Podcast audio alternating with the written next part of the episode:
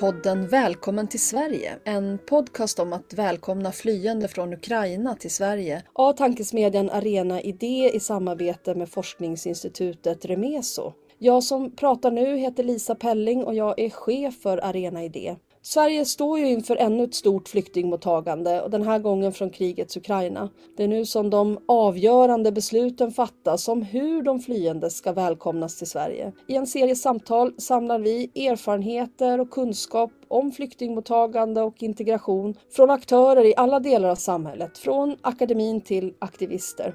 I dagens avsnitt så ska vi anlägga ett jämställdhetsperspektiv på flyktingmottagande. Det är ju ett välkänt faktum att krig och flykt innebär olika risker och utmaningar för kvinnor, män, barn. Vi vet även att krig och konflikt är något som slår extra hårt mot sårbara grupper som hbtqi-communities, både i krigsdrabbade områden och som flyktingar.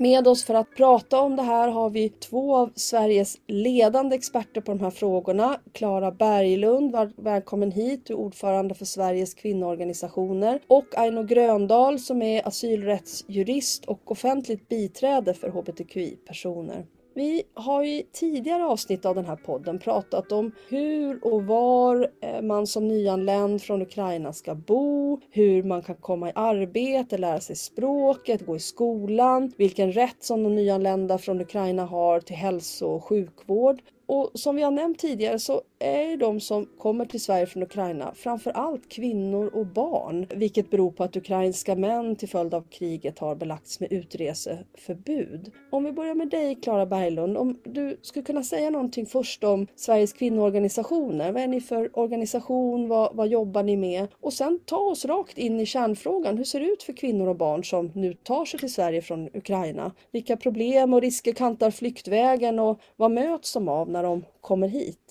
Sveriges kvinnoorganisationer, vi är en paraplyorganisation för kvinnorörelsen och vi har ett 50-tal medlemsorganisationer som jobbar med olika jämställdhetsfrågor och som samlar olika grupper av kvinnor. Och vi är partipolitiskt och religiöst obundna på alla sätt och jobbar utifrån FNs kvinnokonvention. Och eh, våra medlemsorganisationer möter ju den här gruppen av kvinnor som kommer i Sverige på olika sätt. Det kan ju dels handla om kvinnojourer som möter de som är utsatta för våld här eller på vägen.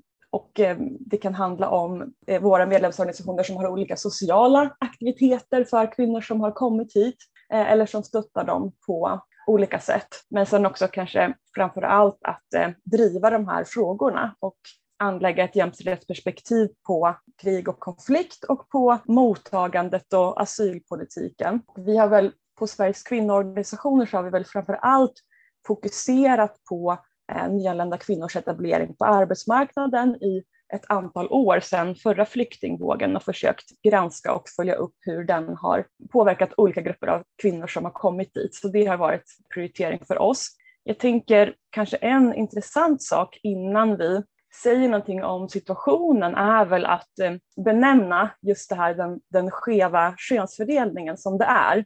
Och det är så intressant att tänka på i relation till den förra flyktingvågen som var en stor övervikt av män och pojkar som kom hit. Det kom kvinnor och flickor då också och då var de ju utsatta också i egenskap av att vara i en stor minoritet i systemen och på asylboenden och så vidare. Och nu är det exakt motsatt situation att nu är de allra flesta som kommer kvinnor och då ställer det andra krav på vilka insatser man behöver, man behöver ge dem. De här systemen som vi hade som är könsblinda eh, och som vi använde vid den förra flyktingvågen, de är ju ofta utformade utifrån mäns behov och liksom en manlig norm. Så att allting det ställs ju på ända just nu. Ja, Klara, om, om vi ska gå liksom rent konkret. Jag tänker att den, den, riktigt stora skillnaden med massflyktsdirektivet och de från Ukraina som kommer inom ramen för det är ju att det här direktivet har tagit bort bort eh, gränshindret. Normalfallet i migration är att du måste liksom forcera en gräns och att du inte har rätt att ta dig över den i normalfallet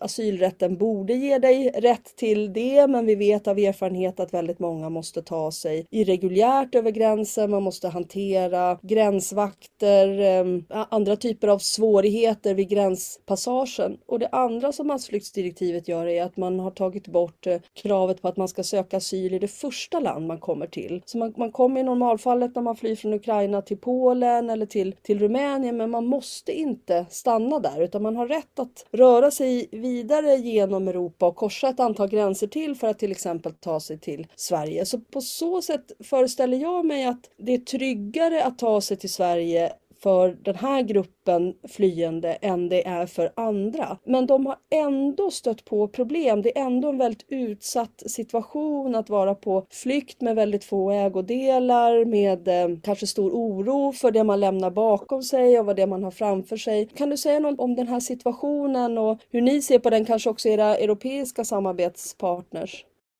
Ja, men det är ju som du säger och det är just också för att det är en säkrare transport eller väg flykten är en säkrare väg som gör det möjligt för kvinnor att fly i den här konflikten.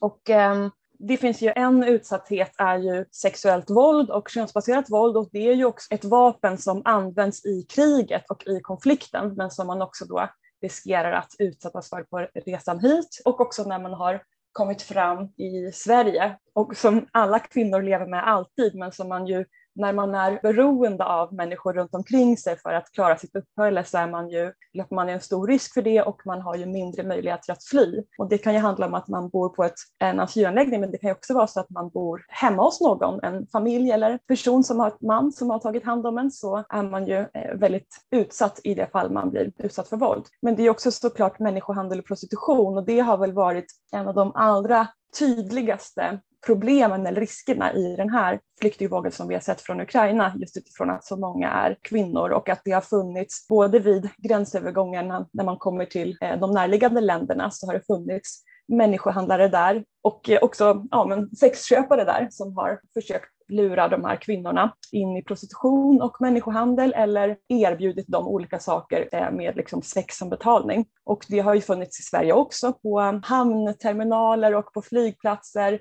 på um, kvinnor som blivit approcherade när man står i kön till eh, Migrationsverkets kontor. Så det har ju varit väldigt tydligt och många har blivit utsatta och där så finns det ju en prognos om att det kommer att bli de kvinnorna som kommer nu och som kommer framöver som är som andra eller tredje vågens flyktingar som kanske har sämre förutsättningar än de som kunde lämna Ukraina direkt, att de kommer att vara ännu mer utsatta för det. Så det, det är ju en stor risk. Vi, vi ska ha ett alldeles särskilt avsnitt om det här med dagersättningen, alltså den väldigt eh, snålt tilltagna, för att säga det minsta, ersättningen som, som eh, ukrainska flyktingar får i Sverige. 71 kronor för en ensamstående och 61 kronor för, för en person i ett hushåll med ytterligare en person om dagen och den ersättning som inte har höjts sedan 1994 och det, det skapar en egen slags eh, utsatthet. Men Klara, vad kan man göra åt den här situationen? Eh, finns det någonting som man kan göra på EU-nivå? Finns det någonting som Sverige kan göra? Handlar det om information? Handlar det om polisinsatser? Vad kan civilsamhället göra? Jag skulle säga att för en gångs skull, både på EU-nivå eh, i flera länder och i Sverige, så de här larmen som kom om människohandel och ökad prostitution så reagerade man ganska så snabbt på just det. Och i Sverige till exempel så ganska snabbt togs det fram material som översattes och delades ut på de här samlingsplatserna där dit människohandlarna sökte sig. Så att ena veckan var det människohandlare som var i kön till eh, Migrationsverket och nästa vecka så var svenska myndigheter där och delade ut sina material om information om vilken lagstiftning som gäller i Sverige, ens rättigheter och också tips om att eh, känna igen de här personerna och hur man ska kunna undvika det. Och reda ut all, all missinformation, desinformation som de har spridit. Och polisen har ju också de senaste månaderna gjort flera sådana stora insatser som har varit riktade mot eh, prostitution och sexhandel och då har det varit tydligt att de män som har gripit, de allra flesta av dem har ju köpt sex just från ukrainska kvinnor. Så det vi behöver göra är väl att fortsätta och skala upp de här insatserna som, som redan har påbörjats, men sen också stöd och skydd till de kvinnor som har varit utsatta, att hjälpa dem ut ur prostitution, de som har hamnat där och erbjuda andra alternativ och sen såklart det som du nämnde, alltså att minska utsattheten som gör att man är sårbar. Så att man har en, en rimlig eh, levnadsstandard och inte känner att det här är det enda sättet som man kan försörja sig och sin familj och få pengar och skicka till anhöriga i Ukraina och, och så vidare. Så att alla de sakerna behöver jag göra. Men, men det viktiga är ju efterfrågan, att vi upprätthåller och påminner om vår lagstiftning. För det är ju det som, som driver människohandeln är ju att det finns män som vill och eh, har möjlighet att köpa sex från utsatta kvinnor. Tack så hemskt mycket Klara. Det här är verkligen en fråga som, som jag hoppas att många följer och att det inte bara blir en, en enstaka liksom aktion precis när strålkastarljuset riktas mot hamnterminalen i Nynäshamn utan att det här arbetet fortsätter. Men nu vill jag vända mig till dig Arno Gröndahl. Du har jobbat med hbtqi-personer som, som juridiskt eh, biträde och vi vet ju att hbtqi-personer tidigare varit särskilt utsatta vid konflikter i Ukraina och det här är någonting som vi vet eh, med annekteringen av Krim 2014, kriget i Donetsk och Luhansk. Där var hbtqi-personer inte bara måltavlor utan även som internflyktingar i Ukraina så utsattes de för diskriminering, arbetsmarknaden, bostadsmarknaden. Vad vet du om diskriminering av den här gruppen av människor som flyr nu undan, undan de här förnyade angreppen från Ryssland på, på Ukraina? Vilket är de största problemen och riskerna för en som hbtqi-person utsätts för när den måste fly? Ja, hej och tack så jättemycket för att jag får vara med idag. Det känns jätteroligt att få prata med er. Nej, men jag arbetar ju som eh, asylrättsjurist på RFSL och har jobbat just med hbtqi, asylsökande och flyktingar sedan ungefär tio år tillbaka det, alltså vi, hos RFSL så kommer vi ju i kontakt med hbtqi-flyktingar verkligen från alla delar av världen. Och redan innan det här kriget bröt ut i Ukraina så var det ett ganska stort antal hbtqi personer från Ukraina som, som tog sig till Sverige och eh, sökte asyl. Jag har själv varit i kontakt med, dock inte företrätt just liksom, hbtqi-personer från Ukraina, men jag har haft kontakt med dem och också hänvisat dem då till, juristkollegor som då har kunnat bli deras offentliga biträde. Och de har ju beskrivit genom åren en, en väldigt, väldigt svår situation. Alltså de flesta har tyvärr, liksom majoriteten av de flyktingar vi kommer i kontakt med, redan utsatts för alltså väldigt grovt våld, de, de kan vittna om liksom våldtäkter, väldigt grov,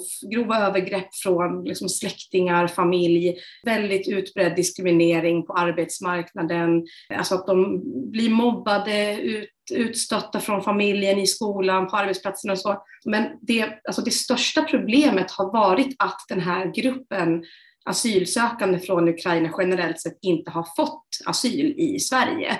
Och det beror ju på att Migrationsverket och migrationsdomstolarna generellt sett anser att den ja, generella situationen i Ukraina inte har uppgått till förföljelse. Man har ansett helt enkelt att staten har liksom både vilja och förmåga att skydda hbtqi-personer i Ukraina. Och just nu så det är en väldigt, väldigt komplex situation. Jag har kontakt med otroligt många personer som, alltså som, det kan vara allt från, från personer som har kommit från Ukraina redan innan det här kriget bröt ut, som har befunnit sig i Sverige kanske i flera år.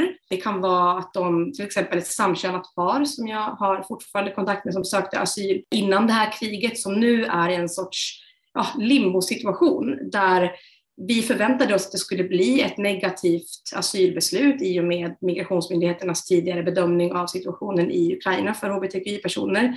Men på grund av kriget nu så har man inte, eh, alltså det finns ett beslutsstopp helt enkelt. Så att det här samkönade paret, liksom så många andra Eh, som har sökt asyl från Ukraina tidigare, de är i en liksom, limbosituation. Vi vet inte, de vet inte vad som kommer hända. De vet inte om om kriget kommer att upphöra, om eller när, vad kommer hända med deras asylärenden. Jag och många med mig tror ju tyvärr att det finns en stor risk att migrationsmyndigheterna kommer att gå tillbaka till bedömningarna att det är liksom lugnt för hbtqi-personer om man ska uttrycka sig lite drastiskt. Något annat som också har, som är en lite ny situation, jag blir kontaktad av ett ganska stort antal personer som har bott i Ukraina men som inte är ukrainska medborgare.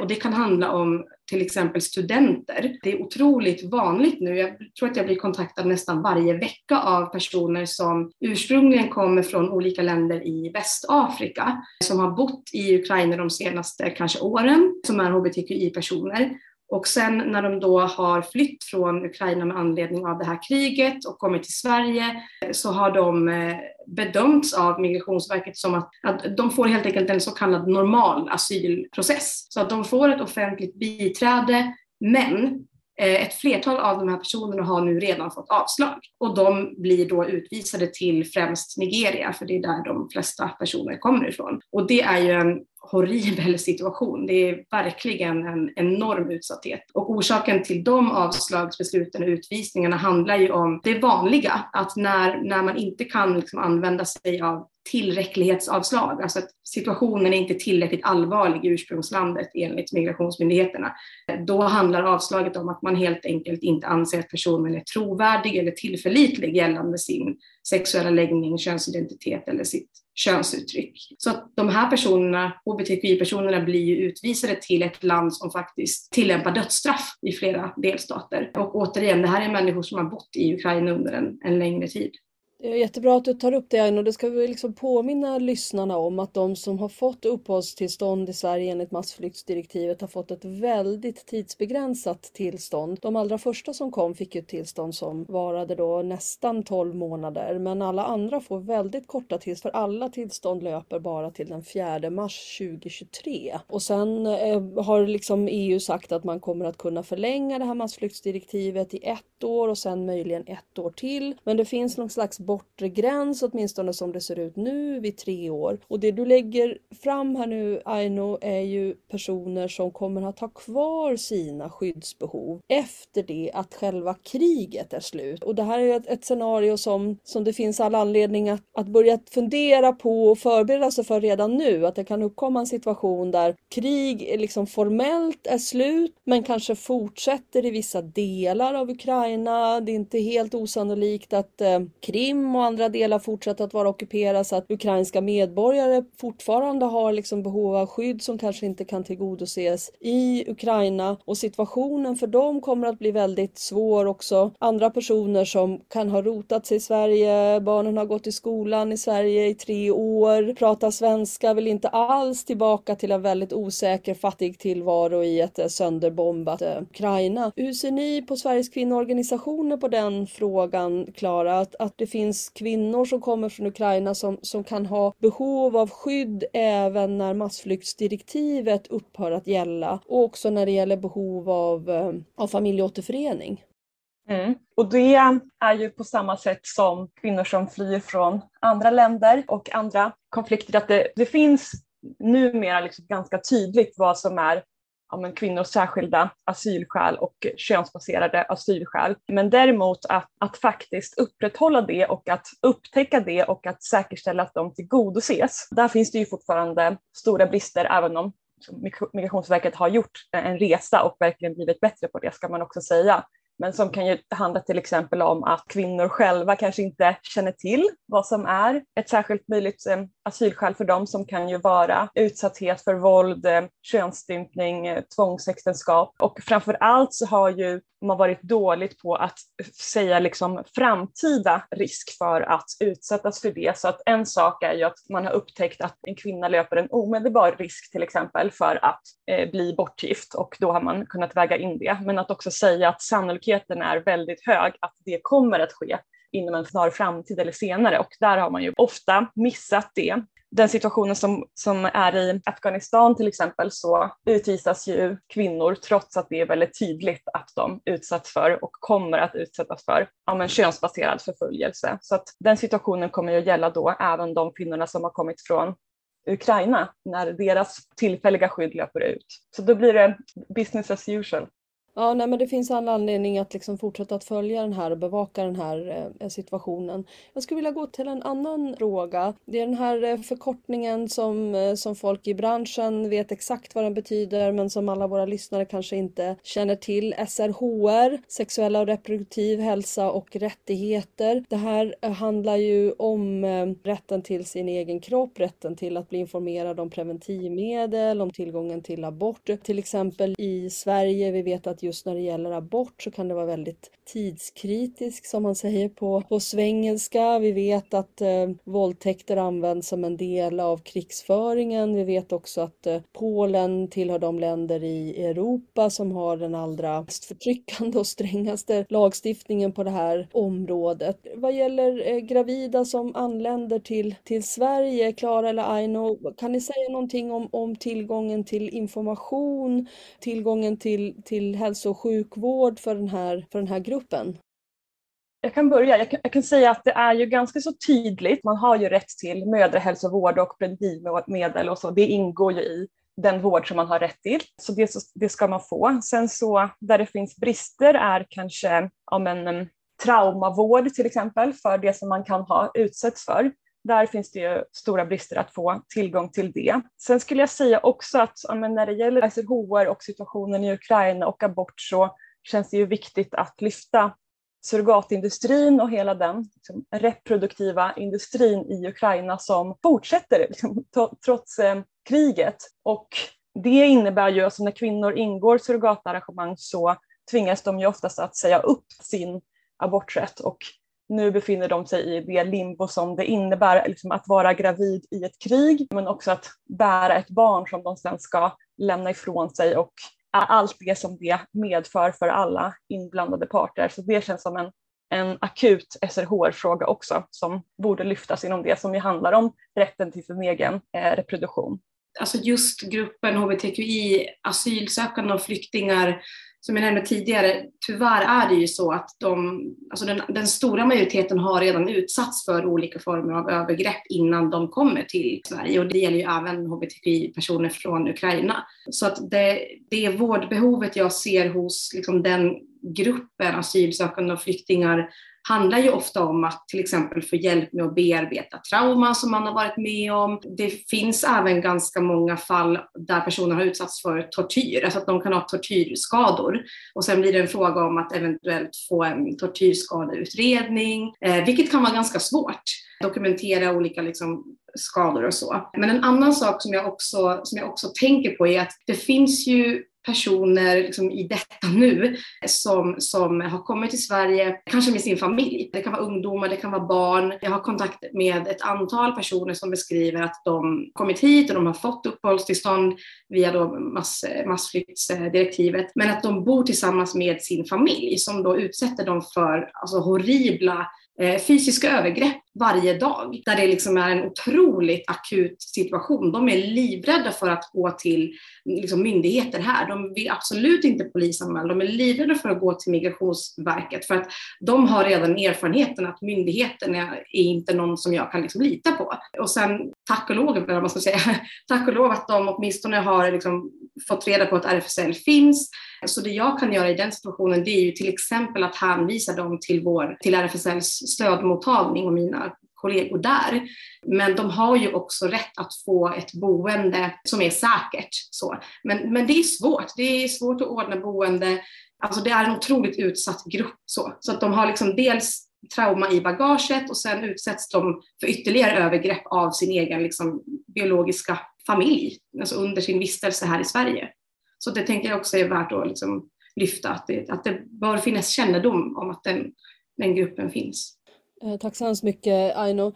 Det finns jättemycket mer att säga om det här, om, om liksom vägen hit, om de första dagarna, veckorna, månaderna i, i Sverige. Men jag tänkte att vi skulle hinna säga någonting också om de flyende eh, från Ukraina utifrån ett jämställdhetsperspektiv och ett hbtqi-perspektiv när det gäller integrationen i Sverige. Nu, nu som vi nämnde tidigare så får man ju posttillstånd som är väldigt begränsade. De räcker bara till mars nästa år, kanske som längst i tre år. Men många påbörjar ändå någon slags integration i Sverige. Man behöver behöver skaffa sig ett jobb för att kunna försörja sig. Dagsersättningen räcker inte egentligen till att eh, leva på. Eh, I tidigare avsnitt av den här podden så har vi bland annat pratat med Pelle Sundvisson som har wallraffat som rysktalande arbetare på den informella arbetsmarknaden för rysktalande, många av dem från Ukraina. Det är en väldigt mansdominerad arbetsmarknad i Sverige. Det handlar om skogsbruk, lantbruk, eh, byggindustrin. Hur, hur ser det ut för kvinnor, vilken, vilken arbetsmarknad är tillgänglig för nyanlända kvinnor till exempel från Ukraina? Klara, vet ni någonting om det från Sveriges kvinnoorganisationer? Någon fråga som ni försöker hålla koll på? Det är jättesvårt tror jag. Därför att när det gäller de här mansdominerade jobben som du har beskrivit så har det ju funnits en arbetskraftsinvandring till den, de jobben tidigare och det har ju inte funnits på samma sätt när det gäller eh, kvinnodominerade yrken i vård och omsorg till exempel. Kvinnor som har kommit hit från liksom, den delen av Europa tidigare, då har det ju varit typ bärplockning. Alltså det är ju där som de har blivit utsatta. Jag tror att det var rekordmånga som sökte om eh, bärplockare i år som man väntade sig. Så jag vet inte om det kommer vara så, men det är ju jättesvårt att komma in i kvinnodominerade yrken och det har det ju varit för tidigare, under tidigare flyktingvågor också för kvinnor som har kommit hit, att det har funnits vägar in och vi har jobbat mycket med att ja, ta bort trösklarna för att komma in i mansdominerade yrken. Men vi har inte gjort det på samma sätt i eh, kvinnodominerade yrken. Så att, ja, vi är väldigt oroliga för det faktiskt. Aino, vill du lägga till någonting där? Vad vet vi om, om arbetsmarknaden för hbtqi-personer som kommer som asylsökande, som flyende till Sverige? Finns det några lärdomar man kan dra här från tidigare flyktingmottagning för att mm, göra saker och ting bättre nu när, när eh, människor kommer hit från Ukraina? Jag har lite svårt att uttala mig om liksom, integrationsdelen, för det är inte egentligen någonting jag jobbar med. Men alltså, det jag kan säga generellt är väl att de hbtqi personer som kommer från Ukraina, liksom från andra länder. Alltså de flesta är ju otroligt måna om att liksom komma in i samhället så fort som möjligt. Och det, det är särskilt liksom när, när personer väl liksom börjar förstå, för det är inte alls säkert att de förstår eller vet om det liksom från början att de så att säga eh, att de har rättigheter i Sverige som de kanske inte har i sina hemländer. Så att det, när de väl liksom förstår att så här, men jag, löper inte lika stor risk att bli diskriminerad på arbetsmarknaden. Eller jag kan faktiskt ansöka om jobb trots att jag är transperson. Eh, så. Eller, eller att jag är lesbisk. Alltså det, de är otroligt vana vid att bli liksom, ratade på arbetsmarknaden eller bli, få sparken direkt. Så att när de väl liksom förstår att okej, okay, men jag kan vara den jag är här, så brukar det gå ganska fort ändå för dem. Det är min liksom, upplevelse av de personer som jag, som jag kommer i kontakt med. Så, ja. Tack så hemskt mycket. Vill du lägga till någonting där, Klara? Jag kan gärna säga något om lärdomar kanske när det gäller integration på arbetsmarknaden för att där var det ju ett stort svek mot alla de kvinnor som har kommit dit och som fortfarande pågår. Att de inte har fått samma stöd och hjälp att komma in i arbetslivet som nyanlända män har fått. Alltså när vi har följt upp, och det finns ju statliga utredningar som har gjort det, etableringsinsatserna, så har ju de men nyanlända män har ju fått fler eh, dyrare och mer effektiva etableringsinsatser än vad nyanlända kvinnor har fått. Och framförallt de här subventionerade anställningarna. Och så ser det ju ut som att eh, det kommer fortsätta vara. Den vägen som har funnits in i liksom, kvinnodominerade yrken som ju också är bristyrken, det har ju varit de här extratjänsterna som sedan har avskaffats. Och nu införs ju de här etableringsjobben som regeringen har presenterat och där förutspår man ju att de kommer fördelas på samma sätt som de tidigare subventionerade anställningarna, det vill säga att 70 procent av dem kommer att gå till män. Och det här kanske inte berör gruppen som kommer från Ukraina, utan det här är ju fortfarande de kvinnor som kommer hit i förra flyktingvågen och deras liksom, de eh, arbetsmarknadsinsatser som vi gör, det gäller ju inte bara nyanlända, de fördelas ju oerhört ojämställt. Så att det, det måste vi helt enkelt ändra på. Och sen måste vi också se till att den här gruppen som har kommit nu från Ukraina, att de faktiskt får möjligheter att komma i arbete och försörja sig själva. För att jag skulle säga att det har de inte just nu och det kanske ni pratar om i andra avsnitt, men alla de här förutsättningarna, att man får så, ett så tillfälligt skydd, att man inte kan förenas med sin familj, det vet vi ju så tydligt att det skadar särskilt kvinnors arbetsmarknadsetablering, att man inte ser framför sig ett liv här, att man inte kan vara tillsammans med sin familj. Varför ska man då liksom anstränga sig och skaffa ett jobb? Så det, förutsättningarna är ju helt orimliga för integration. Det är verkligen i motvind om någon ska lyckas integrera sig här.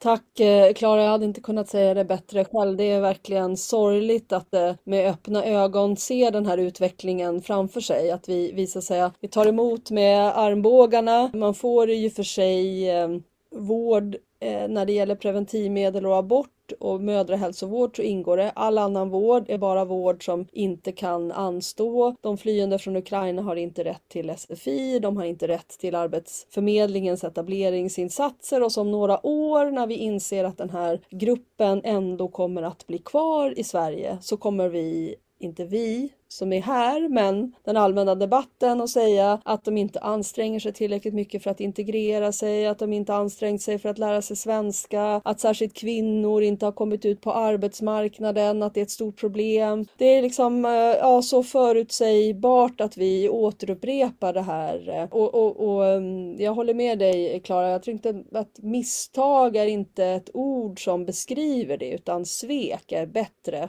ord, för vi vet ju precis exakt exakt vad det är vi gör som, som samhälle. Det är ju inget, inget misstag i betydelsen oj då, varför blev det så? Utan eh, det är liksom förprogrammerat att det blir så med den här politiken. Det finns anledning att bli eh, upprörd. Vi ska avrunda nu. Vi har sett att det finns anledning att bevaka hur, hur kvinnor som flyr från Ukraina, eh, hur de skyddas. HBTQ community är också en, en särskilt utsatt grupp på väg till Sverige, när man kommer fram till Sverige, men också att det finns stora utmaningar när det gäller den lite mer långsiktiga integrationen i det svenska samhället på arbetsmarknaden. Bostadsmarknaden har vi nämnt i andra avsnitt och det finns ju många likheter där också. Bristande stöd från samhället gör att man eh, får en väldigt utsatt situation också på bostadsmarknaden som ju också påverkar resten av livet. Är det någonting som ni skulle vilja lägga till?